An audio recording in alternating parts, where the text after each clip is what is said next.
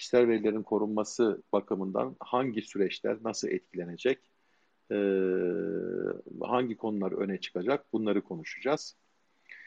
Şimdi e, biz akıllı sözleşmelerin tanımı üzerinde geçmişte çok durduk. Biliyorsunuz e, burada da şeyi söylemiştik. E, yani en bariz temel e, özellikleri kendi kendine yürüyen sözleşmeler olmaları. E, yani akıllı smart contract lafı da oradan geliyor. anda sözleşmenin kendi kendini icra etmesi şeklinde yürüyor. Ee, biz tabii akıllı sözleşmeler derken bunların yaygınlaşması e, ve belli bir güven temelinde işleyebilmesinin de büyük ölçüde blockchain teknolojisiyle gerçekleşebileceğini düşün, düşündüğümüz için akıllı sözleşme derken hep e, bizim oturumlara devam eden arkadaşlar bilirler. Blockchain tabanlı akıllı sözleşmeleri aslında kastediyoruz. Ee, ve e, bu akıllı sözleşmeler kendi kendine yürüyen sözleşmeler iken bunların kendi kendine yürüyebilmesi için de mesela en basitinden bir alım satım akdini dahi bunun e, bir akıllı sözleşme şeklinde dizayn ettiğinizde bir uygulama haline getirdiğinizde e, çok sayıda tarafı oluyor. Ne dedik? Öncelikle bir işte alıcı, satıcı, bunun yanında ödeme konusu devreye giriyorsa ödeme kuruluşları, bu ödeme hizmetleri kuruluşları da olabilir, bankalar da olabilir. E, teyit etmeniz gerektiren şeyler varsa meteorolojik veriler vesaire gibi belli ölçümlerin yapılacağı şeyler yine o e, ilişkili üçüncü e, taraflar da olabilir. Yani bilemiyoruz ama en basit bir, bir uygulaması olacak bir yerde dahi aslında o akıllı sözleşmenin etrafında yan sözleşmelerle sisteme dahil olan onlarca belki bazen yüzlerce paydaş da olacak. Yani kendi kendine yürümüyor. Şimdi niye bunun üzerinde duruyorum? Şunun için üzerinde duruyorum.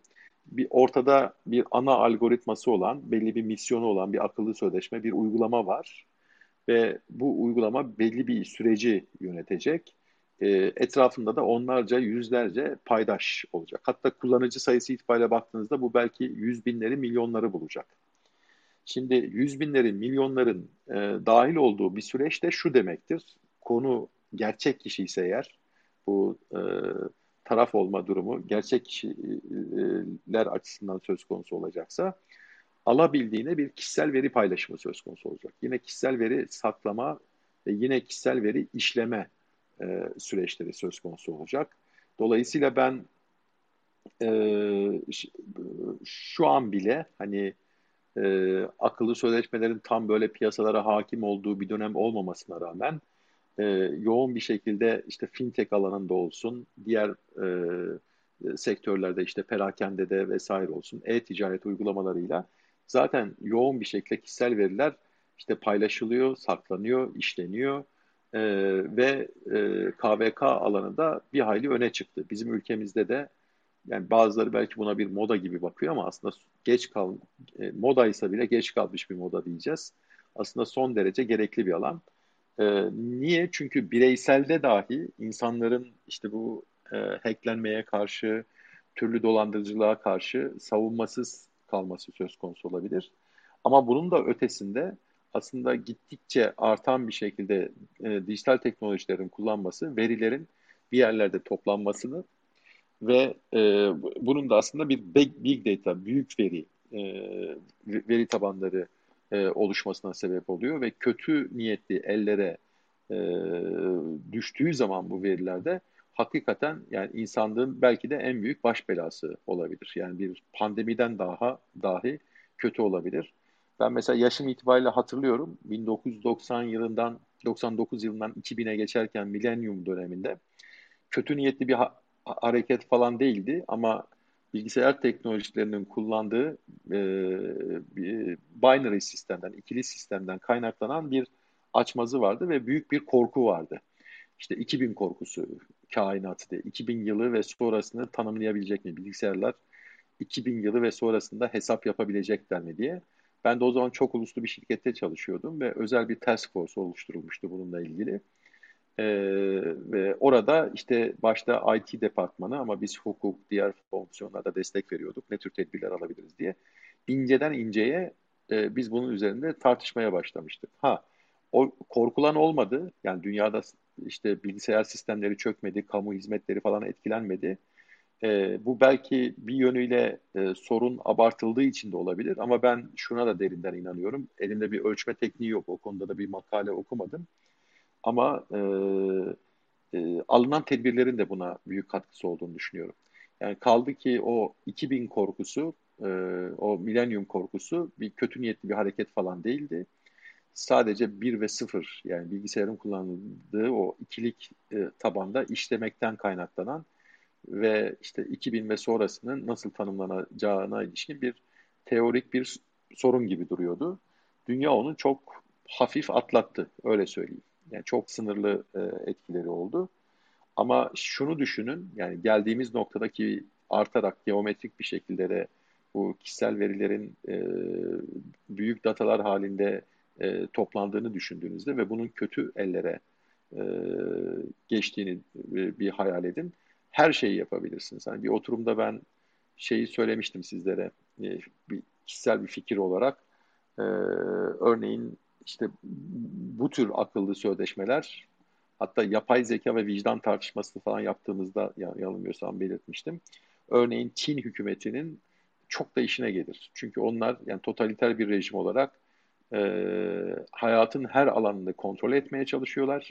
Bütün para hareketlerini, servet hareketlerini, bilgi hareketlerini görmeye çalışıyorlar ve onların nezdinde de böyle katı bir vertical, bir hiyerarşi, e, bir diktatöryel yönetim bir sorun değil. Hatta işte kültürleri de belki el veriyor. Yani e, öyle midir değil midir bilemem de hani Kalu Bela'dan beri Çin kültürü zaten diktatöryel bir şey miydi? Yani o, o, öyle bir şey demiyorum yanlış anlaşılmasın. Ama tarihin geldiğimiz anında sonuçta totaliter bir rejim var ve bunun da kültürel dayanakları da var. Bu onlar için sorun da teşkil etmeyebilir. Yani rejim anlamında söylüyorum. Yani orada yaşayan tek tek vatandaşlar bakımından değil. E, dolayısıyla e, bu, bu dijitalleşen dünyada e, e, eğer sınırlar koymazsanız, belli işte insan hakları, anayasal haklar şeklinde sınırlamalar koymazsanız, kişisel verilerin mahremiyeti ve korunması gereğinin üzerinde durmazsanız, e, bu aslında çok da artık naif kalan George Orwell'in 1984'teki e, şeyinin düzeninin bütün dünyaya şamil ol, ol, olması işten bile olmayacaktır. İşte eğer bizim tahminlerimiz doğru e, tahminlerimiz çıkarsa yani o doğrultuda çıkarsa akıllı sözleşmelerin kendi kendine yürüyen sistemler oluşturması ve onun sağladığı verimlilik, işte ekonomi, tasarruf ve işte hayatı kolaylaştırması sayesinde alabildiğine e, her alanda kullanılır hale geldikten sonra bu ne demektir? Her türlü kişisel verimizin de aslında dijital ortama çekilmesi ve bunların saklanması, işlenmesi ve işte paylaşılması sorunu e, gündeme gelecektir. O yüzden kişisel verilerin korunması konusu da her geçen gün daha da önem kazanacak bence. Bu noktada e, söz almak isteyen arkadaşlar varsa ben bu gidişi yaptıktan sonra buyurabilirler. Memnuniyetle devam edebilirler. Ben küçük bir ekleme yapabilirim Mustafa Bey izin verirseniz diye. Tabii. Şimdi, e, şey e, konunun başlığı hangi süreçlerde kullanılacaktı?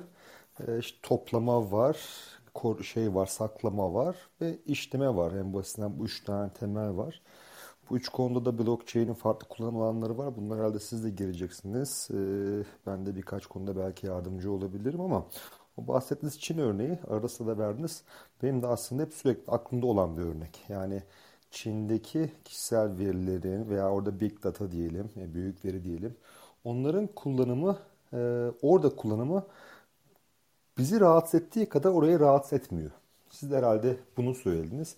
Orada sanki sistemin ilerleyişi için, sistemin ayakta kalması için yapılması gereken bir şeymiş gibi görülüyor. O herhalde 4 e, ya da 5 sene önce yanlış hatırlamıyorsam bu Çin'in bir kredilendirme sistemi getirmişti kendi vatandaşlarına.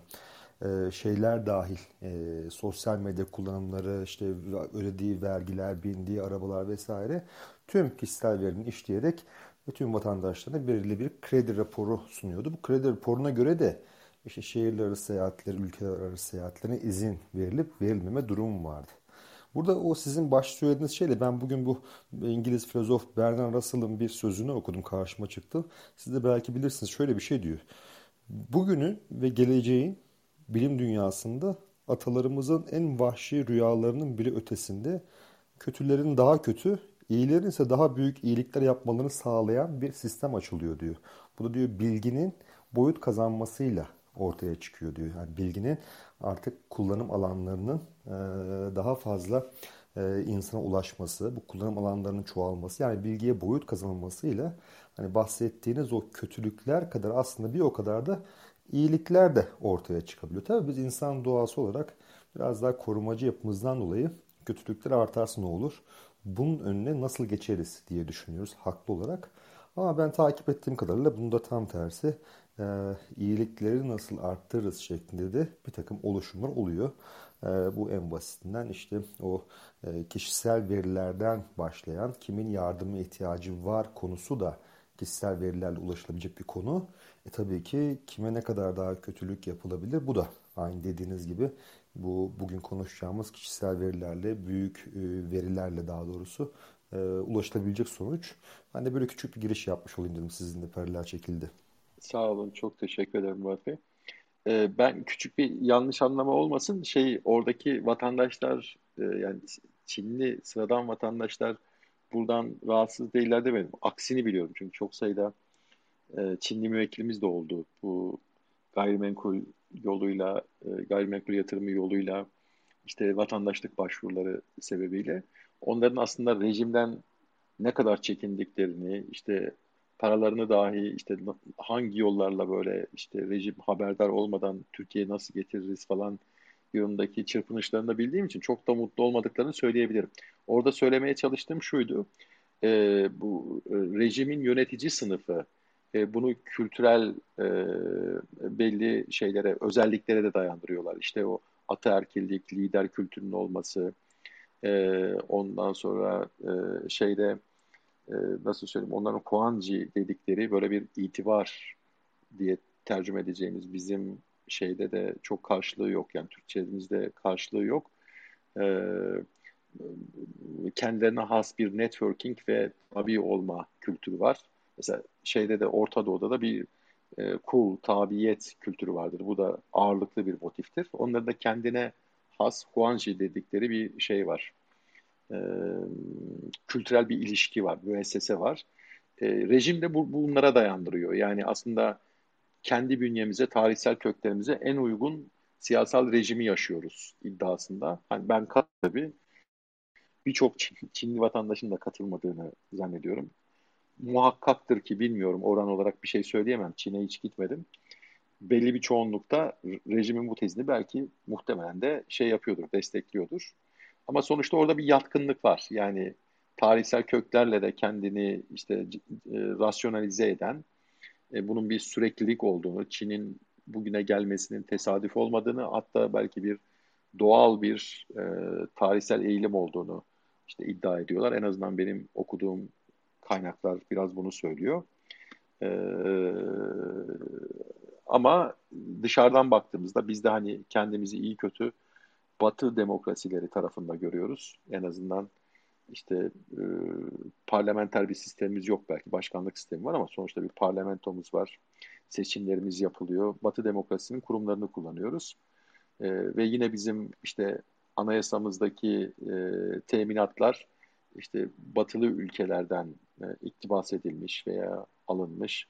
Hatta taraf olduğumuz uluslararası sözleşmeler çoğu zaman yine batılı ülkeler tarafından e, Birleşmiş Milletler olsun, işte AB, Avrupa Birliği çerçevesinde olsun, taraf olduğumuz sözleşmelerde yine batı müesseselerinin egemen olduğu çevreler.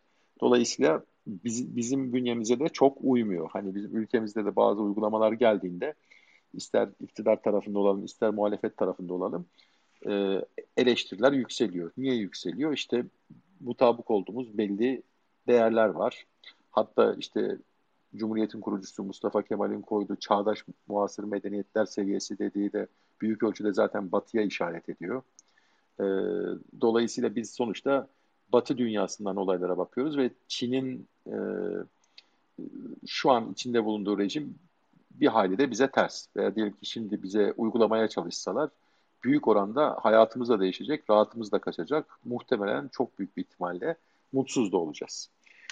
Kendilerinin bazı avantajları var. Nedir? Covid pandemisini mesela dünyada en hızlı ve etkili bir şekilde, kesin bir şekilde yendiler. Belini kırdılar. Yani şu an Covid açısından sanırım dünyanın en şey güvenli yeri. E, totaliter olmanın tek merkezden işte yönetilmenin o tür avantajları da oluyor. Ama e, bir bütün olarak sosyal yaşama baktığınız zaman çekilmez yönleri de olabiliyor. Yani benim kastetmek istediğim biraz öyleydi. Hani bu Çinlilerin böyle bir rejim var. Onlar da mutlu anlamında söylememiştim. Doğru. Ee, evet. Evet. E, evet. Şimdi e, şeye gelirsek, yani kişisel verilerin korunması tarafına gelirsek, ben bu oturumlarda hep şundan yanayım, böyle hayal etmekten yanayım. Mesela ne tür verilerimiz işte paylaşılmış olacak? E, diyelim biz bir şeydeyiz. E, nasıl söyleyeyim? Bir, bir örnek verelim. Örneğin işte sağlık sektöründeki uygulamalardan bahsetmiştik. Yani geçmiş oturumlarda. E, şimdi biz sağlık hizmetlerini akıl blockchain tabanlı bir akıllı sözleşme sistemi üzerinden almaya başladığımızda bir kere kimlik bilgilerimiz. Gerçek zamanlı olarak tarihin belli bir anında vücut ısımızdan tutun işte kan değerlerimize kadar e, işte hatta hatta aldığımız gıdalara işte ilaçlara kadar e, o veriler bir şekilde o uygulama içerisinde toplanmış olacak ve e, o veri depolama sorunları da çözülürse veya çözülmese dahi işte yan sistemlerle bağlantı kurarak öyle tartışmıştık. E, bloklarda bir şekilde kayıtlı olacak demiştik ve örneğin bir uluslararası ölçekte kullanılan bir akıllı uygulamadan bahsediyorsak, bir akıllı sözleşmeden bahsediyorsak, işte sadece Türkiye'deki insanların değil, yani belki onlarca e, ülkedeki insanların erişiminin olduğu, onun üzerinden hizmet aldığı e, bir e, sistemden söz ediyoruz demektir. Ve örneğin bir ilaç firmasının e, bir ARGE e, araştırması bakımından pozitif bir şekilde yararlanabileceği, hani insanların yeme içme alışkanlıkları, dinlenme alışkanlıkları, işte ne bileyim kalp sağlığıyla ilgili verileri falan kendilerinde olacak. Belki yatırımlarına yön verecekler. Belki araştırmalarını ne, nerede odaklanmasına karar verecekler. Bu işin pozitif tarafı. Bu bazı şeyleri de kolaylaştıracaktır. Ee, ve ben e, akıllı uygulamaların da hani paylaşılan veriler itibariyle hiçbir şekilde paylaşılmayacağı, üçüncü kişilerle paylaşılmayacağı şeklinde bir yasakla da ortaya çıkacağını zannetmiyorum. Yani örnek, mesela bir WhatsApp tartışması yaşadık. Geçmişte Facebook'la ilgili şeyler oldu. Sonuçta bu, bu, bu tür platformlar ister istemez ticari bir girişim oluyorlar. Akıllı sözleşmelerde farklı bir şey olmayacaklar. Yani ticari bir girişim olarak ortaya çıkacaklar. Hani bazı public uygulamaların e, yani kamu hizmeti niteliğinde olanların e, ticari olmayacağını söyleyebiliriz ama büyük ölçüde bu böyle olacak. E, şimdi ticari motivasyonla hareket eden bir yapının da o elinde bulundurduğu devasa ve aslında e, çok da değerli olan olan verilerden, o varlıklardan e, gelir elde etmemesini beklemekten saf dillik olur, fazla naiklik olur. Kesinlikle bunlar paylaşılacak. Ama bütün mesele ne? e, nasıl paylaşılacağı, mesela kişisel verilerin korunması alanında bir kavram vardır, anonimleştirme. E, siz düzgün bir şekilde anonimleştirdiğiniz zaman, yani benim yediğim, işte yediğim, içtiğim, işte dondurmasından, işte ne bileyim Coca-Cola'ya kadar, işte hamburgerine kadar, işte vücut ısım, işte kan değerlerim vesaire e, usulüne uygun bir şekilde anonimleştirildiği noktadan ee, sonra benim açımdan artık kişisel olmuyor. Kişisel bir riskim de olmuyor benim. Ee, işte o e, süreçler mesela önem taşıyacak. Yani bir e, akıllı sözleşme uygulaması ortaya çıktığı zaman o KVK süreçlerinde nasıl ensure ettiği yani nasıl güvenli bir şekilde e, işlettiğini de taahhüt edecek ve denetime de açık olacak denetime nasıl açık olacak? Yani Türkiye Cumhuriyeti vatandaşları da bu uygulamayı kullanıyorsa bizim bir kişisel verilerin korunması kurulumuz var. Onun denetimlerine kendini açmak durumunda olacak. Ve orası da gelecek usulünce o denetimi yapacak. O global bir uygulamaysa veya işte çok uluslu bir ortamda kullanılan bir uygulamaysa işte AB ülkeleri itibariyle işte GPRS düzenine e, GPDR pardon GPRS nereden çıktı? GPDR düzenine işte uygunluğunu e, tevsik etmesi gerekecek. Yani e, sonuçta e, kendine has bu, bu tür akıllı sözleşme sistemleri kendine has denetim rejimleri de ortaya koyacaktır diye düşünüyorum. E, ki insanlar güven duysunlar. E, güven orada sadece şey demek değil. Hani blockchain tabanlı bir e, uygulamada verilerin güvenli olması, işte fake olmaması meselesi falan değil. Aynı zamanda oralara teslim ettiğiniz verilerin de doğru treat edildiği, doğru ele alındığı, doğru işlendiği ve sakladığından da emin olmanız bak bakımından bu denetim işlevinin de ben önem kazanacağını düşünüyorum. Bu, bu pozitif uygulamalar açısından bunu söylüyoruz. Bir de e, negatif girişimler de olabilir. e, negatif derken işte bu verileri alıp kişisel olarak da işte e, bu anonimleştirmeyi de yapmayarak hatta belki anonimleştirmeyi de dolanarak e, o verileri kişi, kişisel bazda da tespit edip kötü amaçlarla kullanmak isteyenler de çıkabilecektir. Bunlar siyasi odaklar da olabilir, çıkar grupları da olabilir, suç örgütleri de olabilir. İşte onlara karşı da belli güvenlik tedbirlerinin olması gerekiyor. Bunu zaten biz mesela şu anki düzende de özür dilerim. Şu anki düzende de yapıyoruz. Yani mesela bizim KVKK'da e, kişisel verileri işte saklayan, işleyen, paylaşan e, kuruluşlar itibariyle örneğin sızma testleri yapıyorlar. Hatta size siz farkında bile olmuyorsunuz. O sızma hareketlerinden sonra size rapor da gönderiyorlar. Eksiklerinizi de söylüyorlar. Ve şu şu tedbirleri almanız gerekir e, diyorlar. Siz makul bir sürede veya size verilen sürede o tedbirleri almadığınız zaman o zaman yaptırımlar e, gündeme geliyor. İşte para cezaları tekrarında artarak devam etmesi. Hatta ağır bir ihmal veya işte e, düzgün bir e, sistem oluşturmamışsanız yani mevzuata uygun bir düzen oluşturmamışsanız e, oluşan zararın boyutuna göre de gerekirse hapis cezası dahi gündeme gelebiliyor.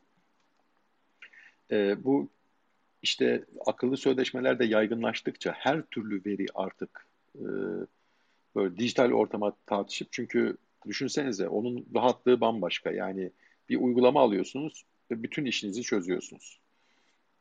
Yani örneğin işte şu an bir yemek sepeti var birçok insanın şey kullandığı.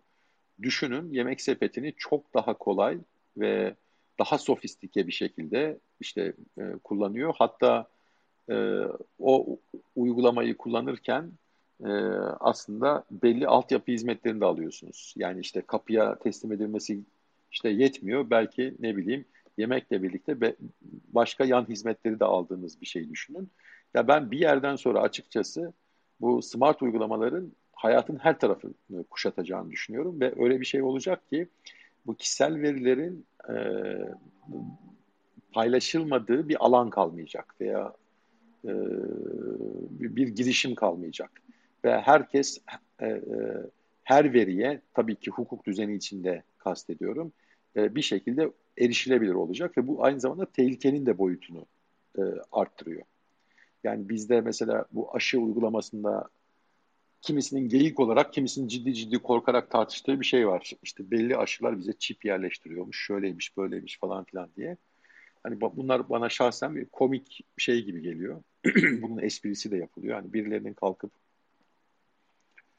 e, işte Beylikdüzü'nden işte Söğütlü Çeşme'ye giden metrobüsteki bilmem neyi niye merak etsin?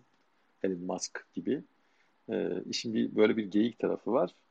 E, ama akıllı sözleşmeler hayatın her alanına girdiği zaman bütün bunlar şey de olabilir. Hakikaten bir toplumun zaafı da ortaya çıkabilir. Siz bir istatistik bir ortalamayla e, hangi toplumda e, örneğin kardiyak e, sorunlarının daha ağırlıklı olduğunu yani toplumun zayıf karnı, e, zayıf noktası olduğunu keşfedebilirsiniz.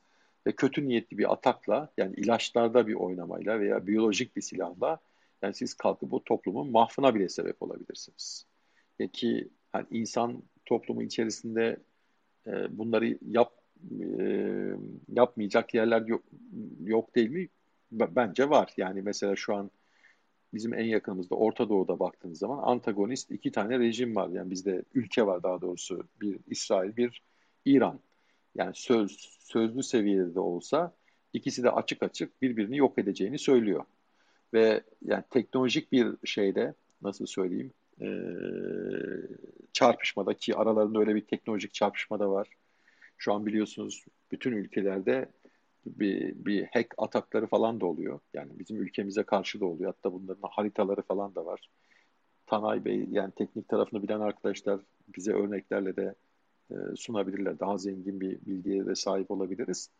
E, bu, bu ataklar sürekli oluyor. Ama birbirini yok etmeye dönük şeylere de dönüşebilir ve bu yok etmenin zemini de e, kişisel veriler de olabilir. Çünkü belli istatistik yakınsamayla siz toplumun biyolojisine de şey yapabiliyor olabilirsiniz, nüfuz ediyor olabilirsiniz. Yani ben katılmamakla birlikte mesela Covid içinde şey diyorlar hani bunun planlı bir şey olduğunu falan filan söylüyorlar. Yani bana mantıklı gelmiyor fazla şey ne derler e, komplo teorisi gibi geliyor bana. E, ama olmaz mı? Teknik açıdan olmaz mı? Olur. Yani laboratuvar ortamında üretirsin, üretirseniz, belli bir amaçla dünyaya yaymaya çalışırsanız olabilir mi? Olabilir. Karşısında ne var? İşte dünyadaki tek tek işte ülkelerin ve uluslararası örgütlerin tedbirleri var. Başka da bir şey yok. Etkili veya daha az etkili.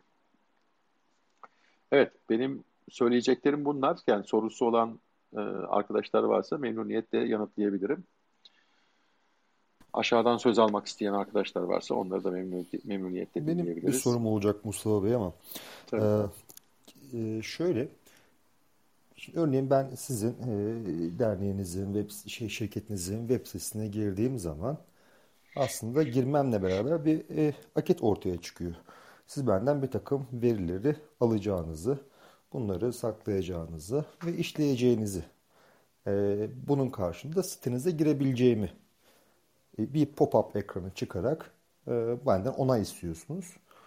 Onay verme seçeneklerim var. Şunları yap, bunları yapma ya da hayır hiçbir onay vermiyorum dersen beni direkt başka bir sayfaya Google'a gönderiyor mesela ama sonuçta ben onu onayladığımı düşünelim. Yani benim kullanıcı olarak sizin web sitenize girerken benden istediğiniz verileri ki bu Facebook'ta olabilir, sizin sitenizde olabilir fark etmez. Şimdi evet. bu noktada artık e, yani kanunlar veya devletin denetleme yetkisi nerede çalışıyor? Orayı ben tam aslında kafamda oturtamıyorum. Çünkü ben size bu verileri işlem hakkı vermişim. Bir sınır da koymamışım. Hani benim hangi saatte geldiğimi, sizinle sohbet ettiğimi, işte varsa ses kimliğimi vesaire şunu bunu almak için ben o siteye girmek için size bir izin vermişim. Siz de bunu işliyorsunuz. Yani devletin burada sizin o bahsettiğiniz konu bakalım işte bu dernek, bu kişi, bu e, kurum doğru şekilde bunları kullanıyor mu ya da doğru şekilde bunu saklıyor mu? Burayla mı sınırlı? Yoksa hani o da sizden mi bir yerde bir e, yetki istiyor bunları işlemek için veya görmek için? Hani ben diyelim ki sadece size veriyorum ama siz başkasına da örneğin devlet kurumu da olabilir, başka bir şey de olabilir. Verme hakkını benden de almış olabilirsiniz. Belki almamış da olabilirsiniz ama hani devletin oradaki regülatif tarafını ben merak ettim. Bu gerek Avrupa olsun, gerek Türkiye olsun. Yani iki taraf anlaştıysa eğer bu verilerin kullanılması konusunda devlet burada neyi regüle ediyor? Bu konuda belki bir yorumunuz olabilir. Ben kısaca kendi fikrimi söyleyeyim ama tam da bu konunun sahibi Adem Bey geldi. Adem Bey daha etraflıca e, anlatacaktır diye umuyorum. Şimdi Merhaba, sorunuzun ikinci... Geç kaldım galiba biraz. Evet evet. Hem de bayağı geç kaldın zaten. Öyle mi? Ben 9 gibi kalmış aklımda. Hoş geldiniz. Hoş bulduk. Ben mi erken başlattım? 8.30 yazıyor. 9 Öyle 8 mi? Tamam. Evet. Ben de yanlış o zaman. Evet. Tamam. Yan ben de tereddüt ettim. Şimdi e, ben sorunun ikinci kısmın hakkında kendi fikrimi söyleyeyim. Öncelikle bir kişisel verilerin korunması kanunu var biliyorsunuz. O kanun uyarınca da e, bir kurul var. Kişisel verilerin korunması kurulu var. Ve bu kurul kanun tarafından yetkilendirilmiş durumda hangi konuda yetkisinin genel çerçevesini e, çiz, çizersek e, yani Türkiye Cumhuriyeti hükümranlık alanları içerisinde yani Türk kanunlarının uygulandığı e, alan içerisinde işte gerçek kişi vatandaşların kişisel verilerinin korunmasına ilişkin düzenlemeleri yapmak, gerekli denetimleri yapmak ve hatta hatta işte idari süreçleri e, yürütüp gerektiğinde de suç duyurusunda bulunmak gibi yetkileri var bu kurulun. Dolayısıyla bu e, bir, bir kamu düzenini sağlamak üzere kanunla e, bir yetki kullandırma söz konusu kurula. Kurul dolayısıyla herhangi bir müracaata falan da gerek duymadan resen zaten işliyor. E, kendisine verilen yetkiler çerçevesinde gerekli denetimleri de yapıyor. Demin hani örnek verdim. Sızma girişimlerinde bile bulunabiliyor. E, orada TK ile iletişim kurumuyla da e, işbirliği yaptıklarını biliyorum. Ve kalkıp işte zayıf yönlerini o kişisel verileri saklayan, işleyen e, kuruluşların belirtip gerekli aksiyonları almasını istiyor. Yani, e, sorunun ilk kısmına ilişkin e, şey e, fikrimi söyleyecek olursam da şimdi siz ya her web sayfasında maalesef bu yok ama birçoğunda sizin de belirttiğiniz gibi var. İşte belli çerezleri sizin bilgisayarınıza yerleştireceği ve siz, sizin e, bir kullanıcı olarak da belli bilgilerinizi aslında e, kaydedeceğini, depolayacağını ve bunları da işte paylaşacağına ilişkin sizin rızanızı da işte e, alıyor bir şekilde. Yani siz kabul ettiğinizde o pop-up ekrandan, pencereden çıkan şeyi kabul ettiğiniz zaman bunu vermiş oluyorsunuz. Ama ben orada verilen rızanın tanınan yetkinin de sınırsız olmadığını düşünüyorum. Yani en azından işte kanuna aykırı bir şekilde kullanmayacağını düşünüyorum. Yani nedir? Siz orada rızayı ne için veriyorsunuz? Örneğin ürün veya hizmetlerle ilgili veya etkinliklerle ilgili bunun bir dernek olduğunu düşünelim. Derneğin etkinlikleriyle ilgili işte bilgilendirme mesajlarını almayı kabul ediyorum. İşte kişisel verilerim, iletişim bilgilerimin işte bu amaçla kullanılmasını kabul ediyorum.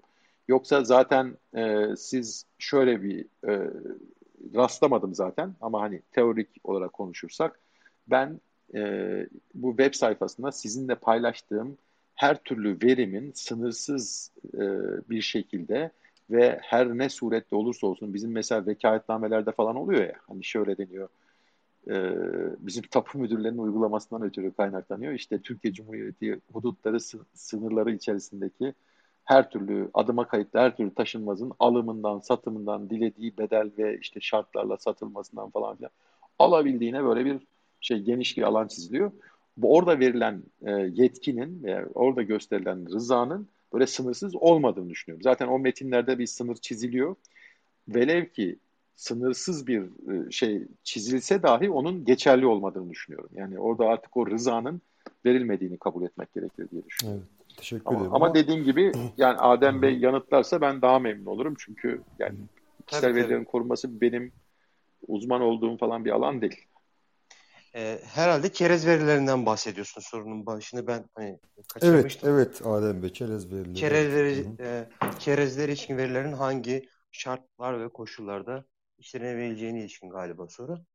Şimdi buna ilişkin olarak Avrupa Birliği'nin bir e, GDPR dediğimiz veri koruma e, otoritesinin bir yayınladığı bir şey var. E, kılavuz var.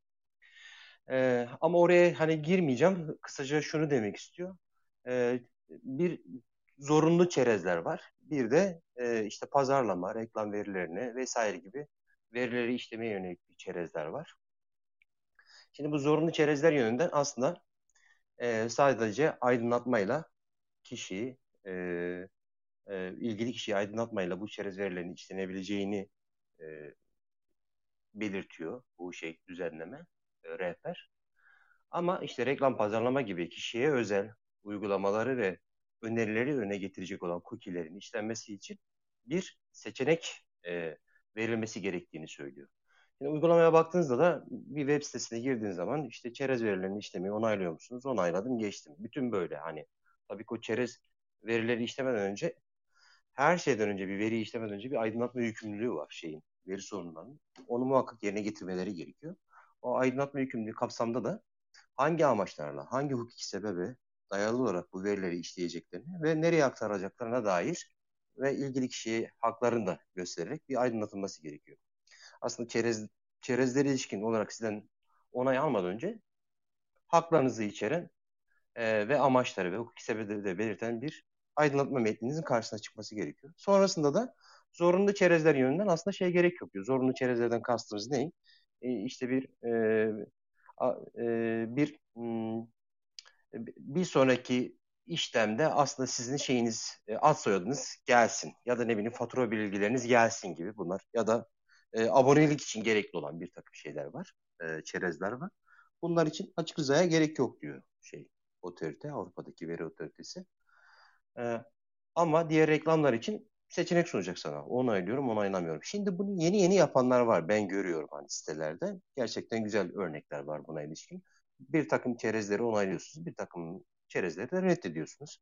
Yani hakikaten bir takım çerezler de sizin menfaatinize. Yani o e, sayfaya girdiğiniz zaman bir daha işte e, örneğin e, e, bir alışveriş sitesine girdiniz, sepette bir ürününüz bekliyor. Çıktınız bir daha girdiniz, sepette bekliyor ürün. Onun gibi yani.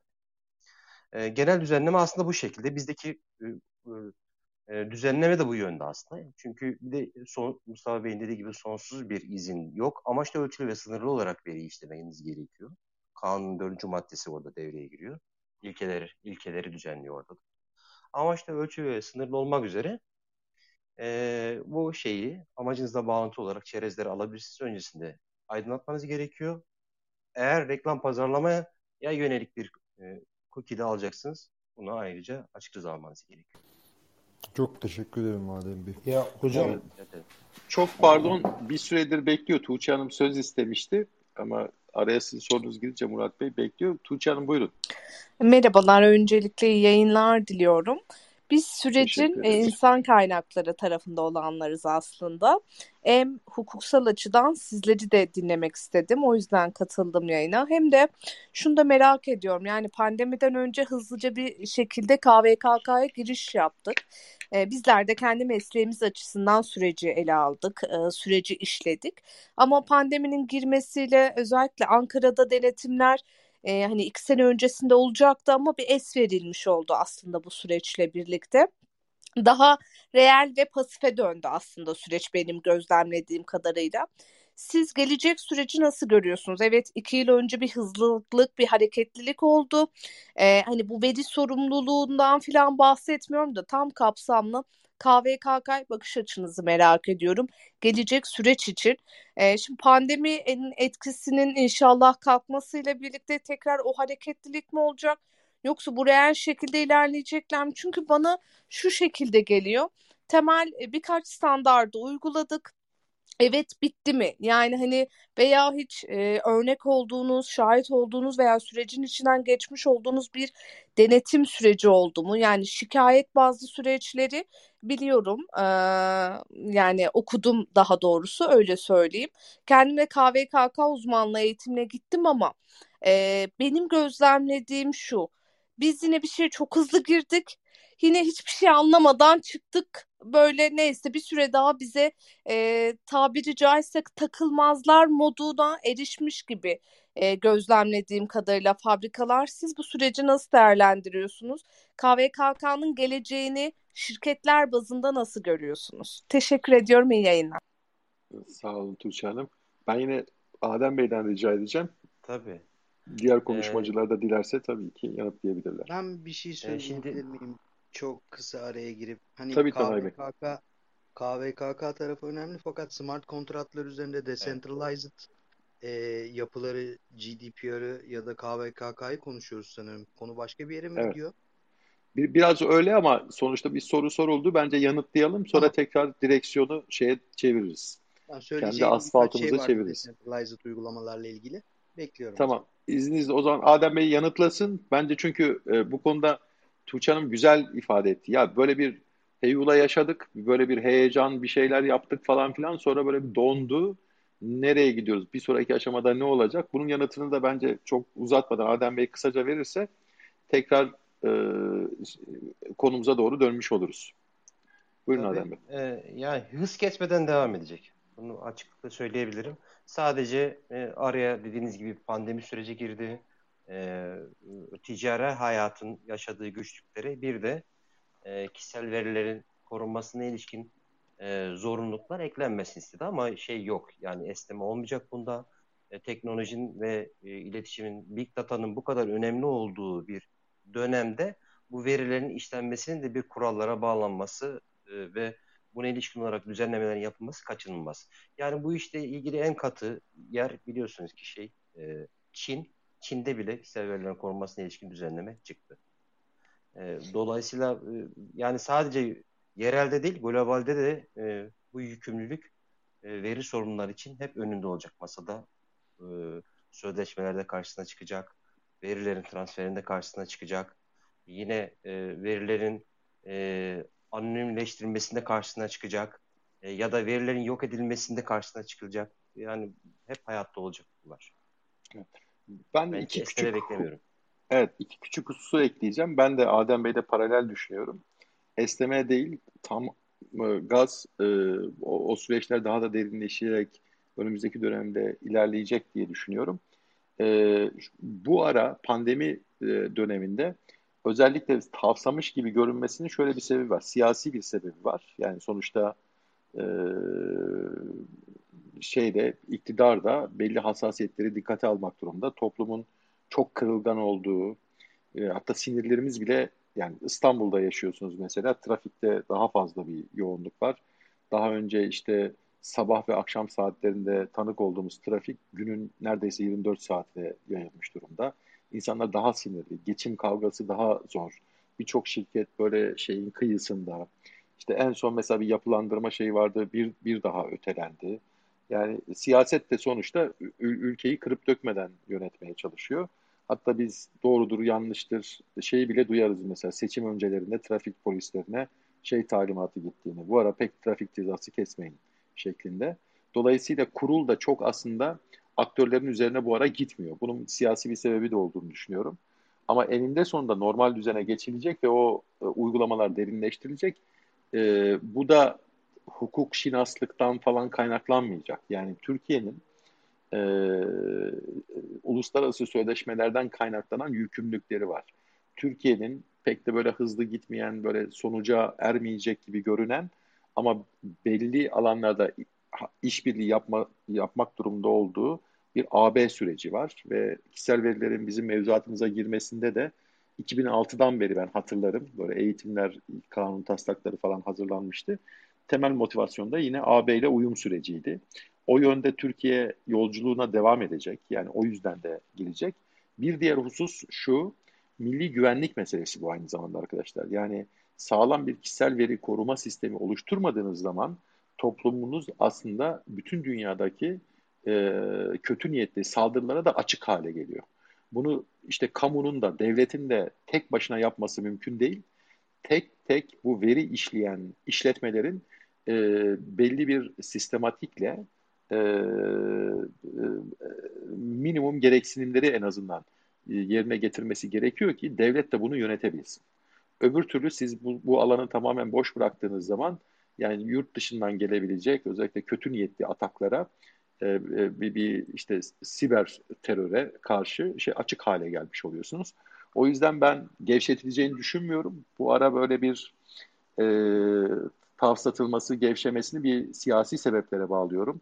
Yani insanların bu kadar işte gelecek kaygısının olduğu, ekonomik sıkıntıların çekildiği, işsizlik e, kaygısının öne çıktığı bir dönemde bir de işte idari yaptırımlarla falan üstüne gidip kırılgan olan e, şeyi e, ortamı daha da e, içinden çıkılmaz hale getirmemek için siyasi bir karar olduğunu ben açıkçası düşünüyorum. Ama önümüzdeki dönemde normalleştikçe bu, layık olduğu şekilde bir öncelik e, sıralamasına da girecektir diye e, düşünüyorum ve e, KVK uygulamalarının, denetimlerinin e, artarak devam edeceğini ben açıkçası düşünüyorum.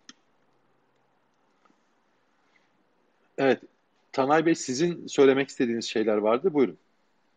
Tabii, teşekkür ederim. Şimdi e, teknoloji blockchain tarafında, akıllı kontratlar tarafında e, çok hızlı gelişiyor. On-chain yazdığımız ve on-chain çalışan bir e, uygulama düşünelim. Burada size de sorularım olacak tabii. Çünkü teknik olarak ben her ne kadar e, bunu kendi kafamda e, çözüp anlatabilsem bile e, uygulama tarafında, KVKK tarafında bu nasıl olacak? Orası benim kafama takılıyor. Ben en azından teknik olarak anlatayım. Sonra çözümleme yapmaya çalışalım bu konuda. Olur, çok ee, güzel olur. Şimdi smart kontratlar yani akıllı sözleşmeler tarafında biz e, blockchain üzerinde çalışan bir e, merkeziyetsiz uygulama oluşturduk diyelim. Bunun içerisinde kişisel veriler girilebiliyor. Tamam blockchain'in şeffaflığı var. E, kişisel verileri biz orada tutmayabiliriz ama tuttuğumuzu düşünelim. Biz blockchain'de bir tedarik zinciri e, sitesi yapıyoruz, web sitesi ya da farklı bir uygulama. Bu örnekler çoğaltılabilir. Biz bunu yaptığımızda belirli veriler içeri girecek. Burada küçük bir veri tabanı gibi, ilişkisel veri tabanı gibi e, bütün verileri içeri girdiğimizde tabii kullanıcılar da web sitesine girip belirli verileri sorgulamak isteyecekler. Her web sitesinde olduğu gibi KVKK ve kişisel e, verilerin korunması ile ilgili bir sürü bir şey çıkacak. Fakat şimdi teknoloji geliştikçe e, merkeziyetsiz uygulamalar haricinde merkeziyetsiz web siteleri çıkmaya başladı ve bunlar çoğalacaklar. Merkeziyetsiz web sitelerinden kasıt çok kısaca benim özetlemem gerekirse dağıtık cloud'lar üzerinde çalışan web siteleri. Bir hosting üzerinde değil. Burada tabii DNS'lerin de ayrıştırılması devreye giriyor. İleriki adımlarda şu an biz Web 3.0'ı kullanıyoruz. Web 4.0 ya da 5.0'da manetlerle yani internetsiz interneti kullanmaya başlayabileceğiz gibime geliyor benim. Tabii bunlar şu an manet dediğimiz e, teknolojiler çok yavaş. Yani hatırlarsınız ilk 14400 ya da 9600 baud modem hızında çalışan teknolojiler ama teknoloji geliştikçe bunlar hızlanacak. E, böyle durumlarda e, kullanıcılar web sitelerine girdiği zaman bu teknolojiyi biz e, yaptığımızı düşünelim. Belirli bir kısmını şu an gerçekleştirebiliyoruz bile. Akıllı kontratlarla ve dağıtık web siteleriyle bunları gerçekleştirebiliyoruz. Peki böyle bir durumda biz bunları yaptıktan sonra, e, hayata geçirdikten sonra yani live olarak biz bunları uygulamaya koyduktan sonra KVKK süreci ve bütün tabii bütün toplumlarda, e, yurt dışında, Türkiye'de nasıl işleyebilir ya da işleyebilir mi? Devlet buna izin verir mi? Teknoloji tarafında problem yok. O oraya geleceğiz. Çok da fazla bir zaman yok burada. O ayrı bir konuşulacak konular. E, dağıtık e, web siteleri, e, akıllı kontratların full on-chain çalışması, yararları ve zararları. Ama bu tarafta devlet buna izin verir mi? Çünkü hiçbir şekilde e, ver, girilen veriler kullanılamayabilir. Kişisel veriler. Kullanılamayabilir mi? Denetlenemeyebilir mi Tanayan Bey? Orayı belki ben e, tam anlayamadım. Çünkü siz ya, dağıtık evet, lotlardan bahsettiniz. Bizim kanunumuz denetlemeye çok önem veren bir kanun. Avrupa'da da öyle. Ama sizin bahsettiğiniz sistemde denetleme mekanizmasını kurmak için bile örneğin kişisel verinin tanımını bile değiştirmemiz gerekebilir anladığım kadarıyla. Evet, evet, evet. Yani hani e, tabirleri yanlış kullanıyor olabilirim bu tarafta. Doğru, doğru. Hukuksal olarak doğru. çok fazla bu konularla ilgili bilgim yok. Hep yüzeysel teknik tarafıyla ilgilendiğim doğru. için ben. Ama işte böyle durumlar oluşabilir ve oradaki denetleme mekanizmasını tetikleyecek hiçbir şekilde web siteleri üzerinde kurgular yapılmaz ya da yapılmayabilir. Yani yapılabilir ama e, web siteleri bunları yapmayabilir. Çünkü sonuçta şeffaf, e, kimin e, ne olduğu belli değil. Sadece wallet'larla bağlanan insanlar. E, herkes anonim. Tabii. Belki %90'ı anonim. Hani böyle bir durumu devletler ne şekilde e, destekler mi yoksa önler mi? Yani Çin ben şöyle bir şey söyledim şey Tanay Bey. Eğer şöyle bir şey e, belki yardımcı olur. Bir kere öncelikle sorduğunuz soru e, Tuğçe Hanım'ın sorduğu soruyla aslında çok örtüşüyor. Şöyle ki ee, hani biz bir Bedir atlattık, bıraktılar mı, serbest mi bıraktılar, daha tek üzerimize gelecekler mi gibi çekinceleri vardı tu, e, Tuğçe Hanım'ın.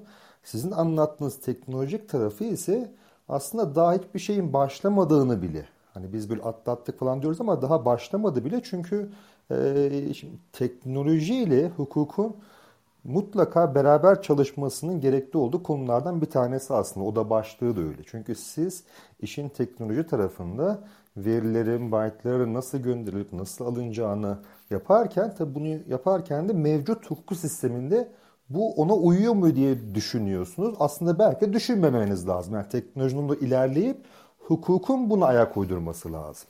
Hani hukuk bir şey koyup da teknoloji buraya kadar gelişsin kardeşim buradan sonra teknoloji gelişmesin demek mümkün değil. Ben bunu daha önce toplantılarda söylemiştim. Yani bir, ilk önce internet geliyor sonra internet hukuku geliyor.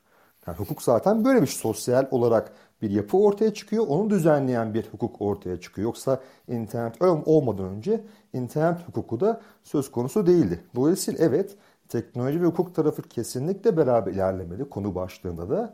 Ama e, teknoloji ilerlerken e, sizin e, sorduğunuz soru çok anlamlı buluyorum ben. Yani biz devam ediyoruz yolumuz açık yani highway'e çıktık.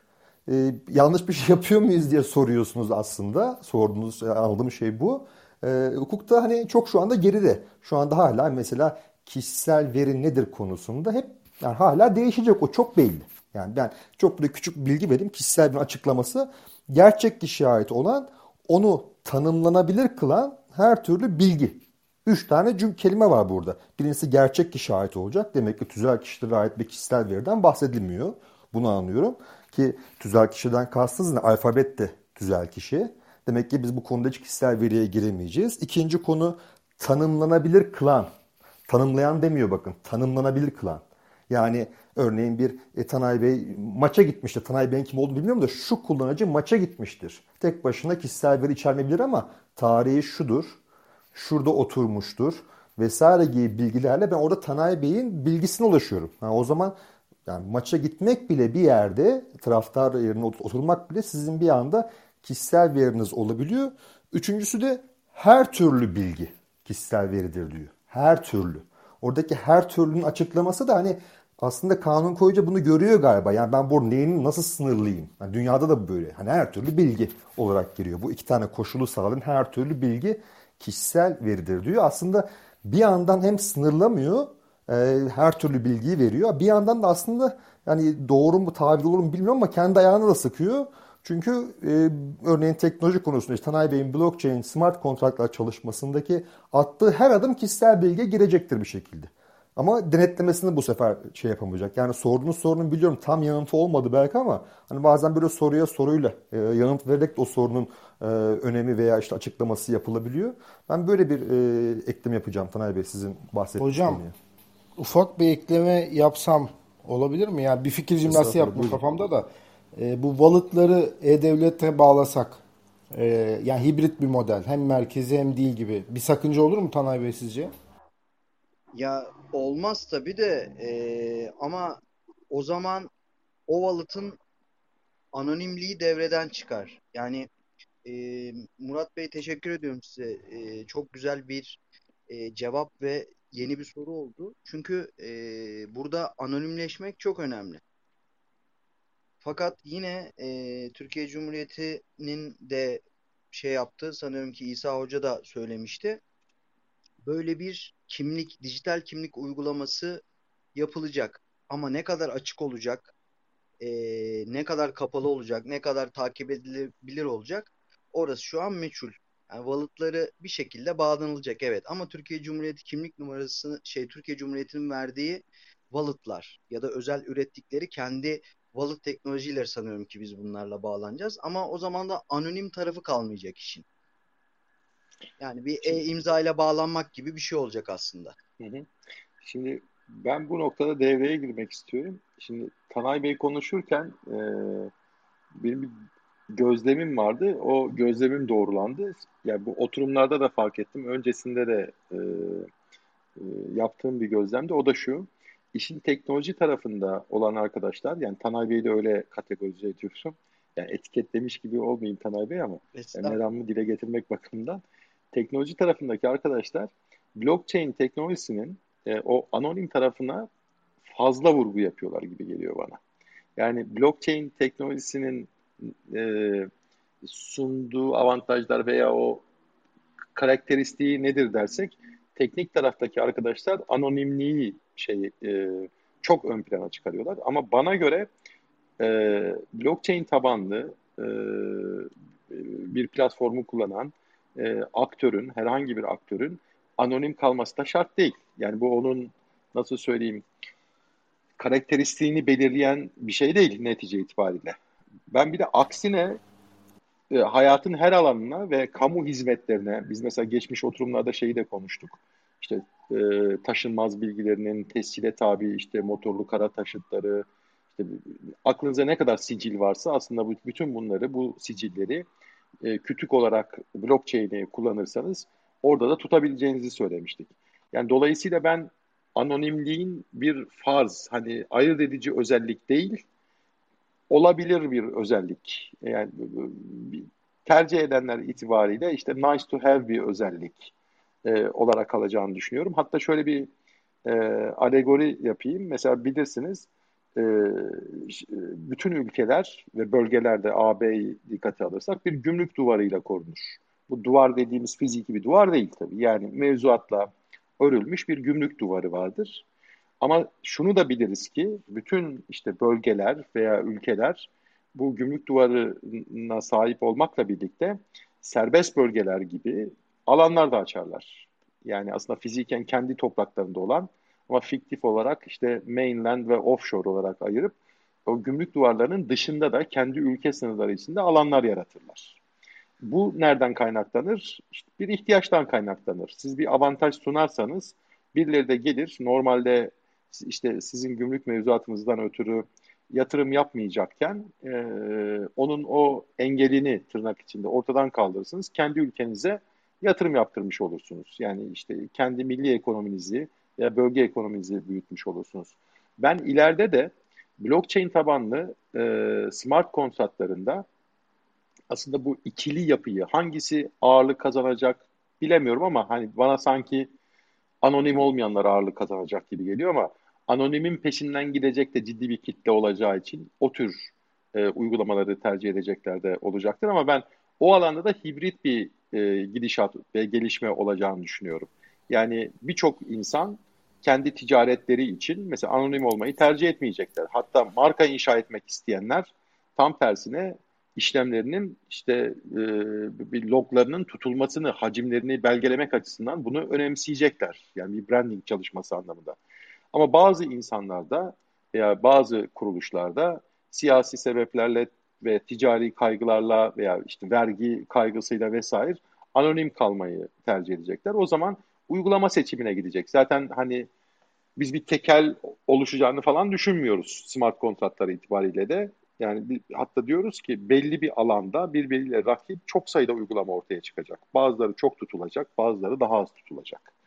Ha, bu işte rekabet unsurları arasında e, bir tanesi de şey olabilir pekala burada. Yani oradaki işleme taraf olanların anonim kalıp kalamayacakları. Ben böyle düşünüyorum açıkçası. Hocam anonimliği kaybederek neyi kaybettiğimizi Tanay Bey'den dinlemek isterim. Orası da kıymetli bence. Olur. Ben de memnun ben olurum. Şöyle düşünüyorum. Ee, biliyorsunuz ki büyük sosyal medya sitelerinde, e, sosyal platformlarda, sosyal medya demeyeyim de sosyal platformlarda Twitter'dır, Facebook'tur, ETC işte bütün hepsinde e, bizim verilerimiz çok hızlı şekilde işleniyor. Yani orada paylaştıklarımızdan, beğendiklerimizden, arkadaşlarımızdan vesaire bir şeyler işleniyor. E, anonim tarafta bunların yapılması çok zor olacak. Kim olduğumuz belli değil. Bir wallet adresimiz var. Ya bu e, Mustafa Bey'e de katılıyorum aslında. E, burada iş tarafında sistem evet, hukuk tarafında evet, anonim olmamanın e, olmanın bir artısı olmayacak. Fakat e, sosyal platformlar tarafında anonim olmak istedikleri gibi e, kimsenin kimseye bağlı kalmadan e, fikirlerini beyan etmek konusunda çok önemli. İyi olabilir, kötü olabilir. Çok tartışılır bir konu bu. E, belki çok da etik değil bazı durumlar. İnsanların açık açık fikirlerini anonim olarak yazmaları ama sonuçta hani blockchain'in arkasında bulunan genel felsefelerinden bir tanesi anarşizm olduğu için ama tabii e, bu anonimlikten gelen bir anarşizm.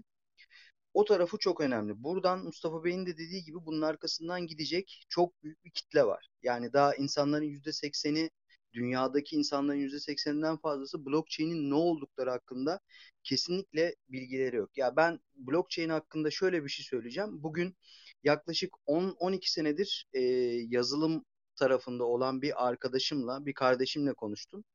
E, blockchain hakkında e, konuştuk. Bana dediği şey şu bakın yani 12 senedir belki yazılımla ilgileniyor e, ve iyi bir teknik destek elemanı kendisi. Blockchain ne dedi? Yani durum gerçekten bundan ibaret. %80'in değil demek. %99'unun belki haberi yok Tanay Bey. Evet, evet olabilir. Yani ben iyimser bir rakam vermek istedim. Hani 80'e 20 kuralı gibi. E, ama bu durumda anonimlik e, burada çok fazla devreye girecek. İnsanlar e, çoğu bence anonim olmak isteyecekler. İş tarafında tamam. İşte burada tedarik zincirleri tarafında örnek veriyorum. Feza Bey var. Sağlık tarafında e, bunların anonim olma gibi bir durumları olmaz zaten. Yani ben niye bilgilerimi, sağlık bilgilerimi anonim paylaşayım? Zaten böyle bir durum olmaz ama e, anonimlik tarafında gerçekten sosyal platformlarda paylaşım açısından e, farklı bilgilerin kullanılmaması açısından, bizim bilgilerimizin kesinlikle işlenmemesi açısından Facebook üzerinde e, sanıyorum ki e, Amerika'nın bir önceki seçimlerinde çok büyük olaylar dönmüştü. İnsanlara farklı farklı reklamlar çıkartılmıştı ve sadece bizim bilgilerimizin işlendiğinden farklı farklı Facebook kullanıcıların bilgilerinin işlendiğinden do- dolayı. Böyle bir durum oluşursa e, düzgün modellemeyle e, gelecekte e, merkezi bir Twitter kalmayacaktır, merkezi bir Facebook kalmayacaktır ya da merkezi bir Instagram kalmayacaktır. Çoğu insan anonim tarafta olmaya geçecektir. E, kötü bir şey mi? Evet. E, bazen kimin ne olduğu, bilgilerin işlenmemesinden dolayı kimin ne olduğu belli olmayacak. Ama bence blockchain'in bizi götüreceği taraf kesinlikle e, %50'den fazla anonimlik olacak. Hani ben öyle bakıyorum. Ben e, kendi yaptığım uygulamalarda da yani çok uzun süredir çalıştığım bir uygulama var. Ana fikri de zaten oraya giren üyelerin sadece walletlarıyla e, üye olmaları ve şey anonimlik. Ta Tanay Bey ben istenmiyor. Sizin tezinize bir antitezle yanıt vermek isterim. Lütfen İnsanlar tabii, anonim Tabii. İnsanlar anonim kalmak ister dediniz. İnsanların aslında doğasında hani geçen haftaki bu e, nefret söylemindeki sosyolojiye girmeyeceğim ama insanların doğasında e, anonim kalma default olarak gelen bir talep değil. Siz anonimliğinizi neye karşı ne alarak bırakacaksınız bu önemli. Yani bir de şu önemli. Anonimliği nerede başlatıp nerede bitirdiniz önemli. Yani ben e, verilerimin toplanması konusunda anonim kalmak istemiyorum diyebilirsiniz ama işlenmesi konusunda anonim kalmak istiyorum diyebilirsiniz. Ya da ben sadece e, benden bu veriyi alan ilk firma içerisinde anonimliğimi bırakırım ama o başka bir firmaya iş ortakları denilen o firmalara bu veriyi gönderirken anonim kalma talebim olabilir. Burada insanoğlunun benim anonim kalma talebim var e, diyeceğini sanmıyorum. Ben bundan hatta bir örneği vermiştim. Dinleyenler olduysa daha önce e, onların affına sığınarak bir daha vereceğim. E, yine blockchain teknolojileri bir konferanstı. Orada da bir sosyolog vardı. Sosyolog e, şöyle bir şey dedi. İnsanlar anonimliklerini konforlarına tercih etmezler dedi. İnsanlar konforlarını da ön plana koyarlar. Konforları karşılığında anonim tarafı bırakırlar dedi.